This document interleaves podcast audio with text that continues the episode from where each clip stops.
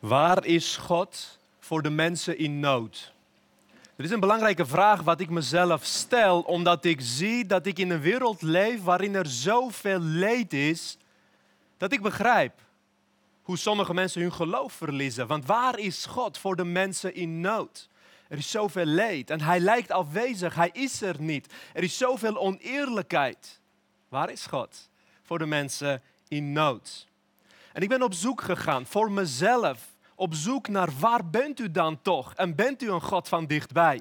Of bent u ons vergeten? Maakt het u niet uit waar wij doorheen gaan? Ik wil je meenemen naar een Bijbeltekst uit het boek Exodus.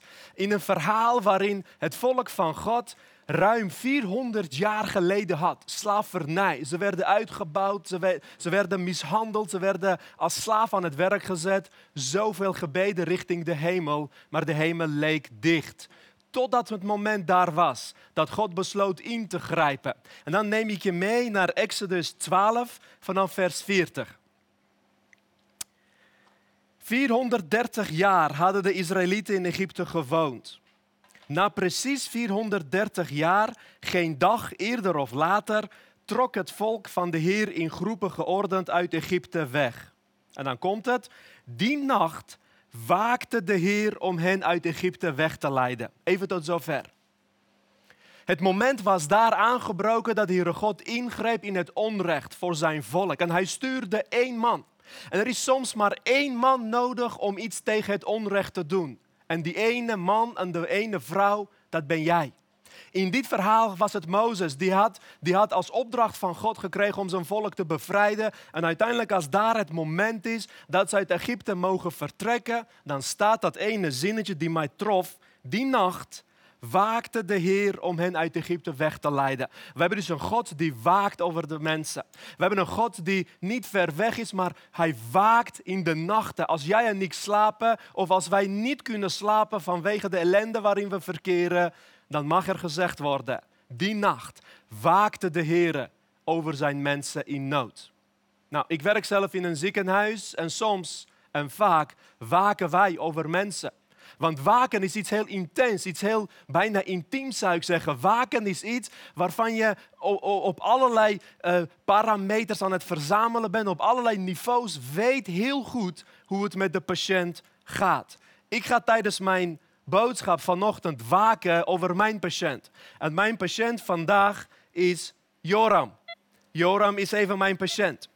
En ik heb Joram aangesloten op een monitor, op een bewakingsmonitor. En ik waak over hem en ik zie precies hoe het met hem gaat. Zijn hartslag kan ik zien, zijn ademhaling, de zuurstofgehalte in zijn bloed, zijn bloeddruk. Alles wat zijn lichaam nu doormaakt, nog veel intenser kan ik meten om over hem te waken. Je vindt het wel spannend, Joram, of niet, als ik het nou, zo zie? Ik vind het doodeng, ja, als dit maar goed gaat. Ja.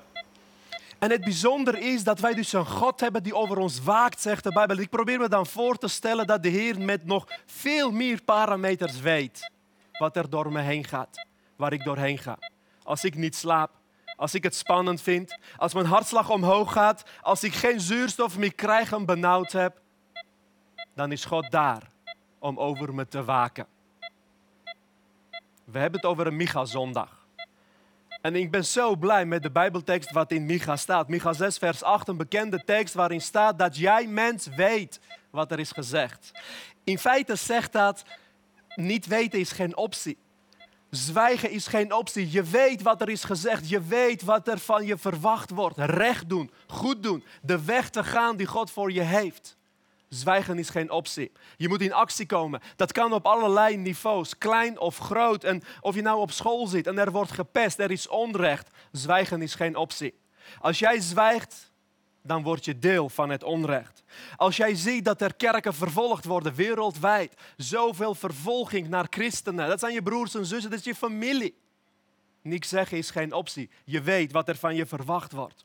Er is een strijd gaande, er is zoveel onrecht. En zij die, die, die hun stem niet verheffen, zij die niet in actie komen, zij die niet iets willen doen aan het onrecht, worden automatisch deel van het onrecht. Hoe pijnlijk ook, heb ik dat voor mezelf geleerd. Zoek voor jezelf de strijd. Waarin jij kan strijden tegen het onrecht. En besef dan dat God over je waakt. Besef dan dat God waakt over de mensen in nood. Maar zoek jouw strijd. Waarvan gaat jouw hartslag omhoog? Wat raakt jou? Waarin kan jij deel worden van het bestrijden van het onrecht? Er is maar één man en één vrouw nodig om het verschil te maken. En die ene vrouw, dat ben jij. Die ene man, dat ben jij. Daar begint het mee. Wij allemaal mogen betrokken raken in deze strijd. Ikzelf bijvoorbeeld, mijn strijd van de afgelopen weken, mensen die mij kennen, die weten het, ik ben Armeens. En Armeense volk is opnieuw onder aanval. Dat is mijn strijd. Dat is mijn onrecht wat mijn volk wordt aangedaan. En, en alles wat ik zie, de beelden die ik voorbij zie komen, maar ook de familie en vrienden die ik spreek, dat zorgt ervoor dat ik niet meer goed slaap. Want ik kan niet rustig liggen slapen terwijl ik weet dat mijn vrienden, mijn familie, maar ook mijn broers en zussen, christenen, vervolgd worden, gebombardeerd worden. Hoe kan ik rustig slapen in mijn warme bed? als er jonge jongens van mijn leeftijd of nog jonger in de loopgraven omkomen? Hoe kan ik dan rustig slapen? Hoe kan jij rustig slapen als je weet dat er over de hele wereld scholieren zijn die mishandeld worden? Hoe kan jij rustig slapen als je weet dat soms ons kleding gemaakt wordt door slavenhandel? Er is zoveel onrecht. En wat doet dat met ons? Wat doet het met onze hartslag? Hij vindt het wel steeds prettiger zo te zien. Wat doet het met onze zuurstofgehalte?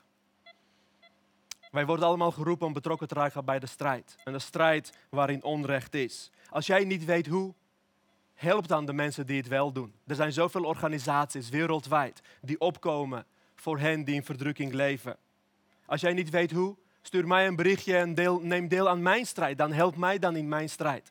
Omdat ook ik op dit moment wil me, me wil inzetten, mijn boosheid wil omzetten om iets te betekenen voor mijn volk die nu ten onrechte gebombardeerd wordt en de kerken gebombardeerd worden, de christenen die opnieuw uit hun huizen weggejaagd worden. En ik krijg soms kritiek dat wij neutraliteit moeten bewaren. Lieve vrienden, neutraliteit in onrecht bestaat niet.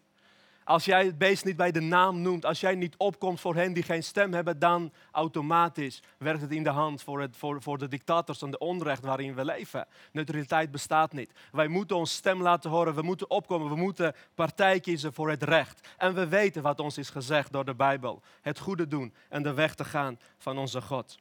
Het is wel mooi om te zien dat de Heer Jezus ook met zijn leerlingen waakt.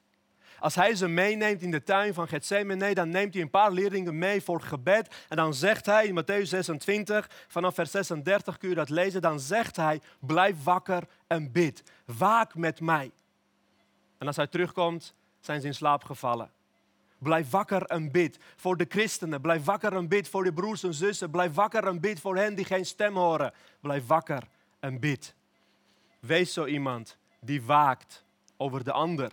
En weet dan ook dat onze God over jou en mij waakt. Wij hebben geen andere keus. Wij hebben geen andere keus dan opkomen voor de vervolgden, voor de zwakken. Wij kunnen niet later zeggen, ik heb het niet geweten. Wij kunnen niet later zeggen, ik kon het niet, ik wist niet hoe. Het begint al heel klein.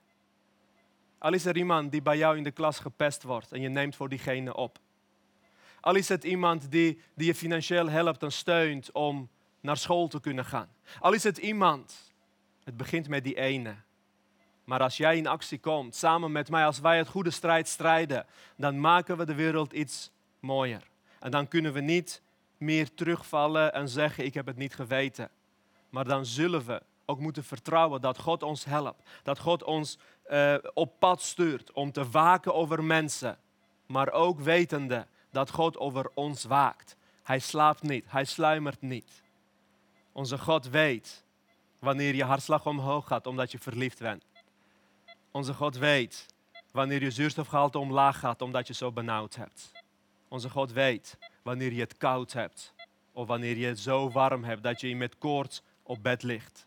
God kent je door en door. Ik wil je oproepen om het goede strijd te strijden, om bij mensen te joinen die dat doen. En ik ga afsluiten nog een keertje met het, met het verhaal en opnieuw de herinnering, de boodschap in Psalm 121, vers 4.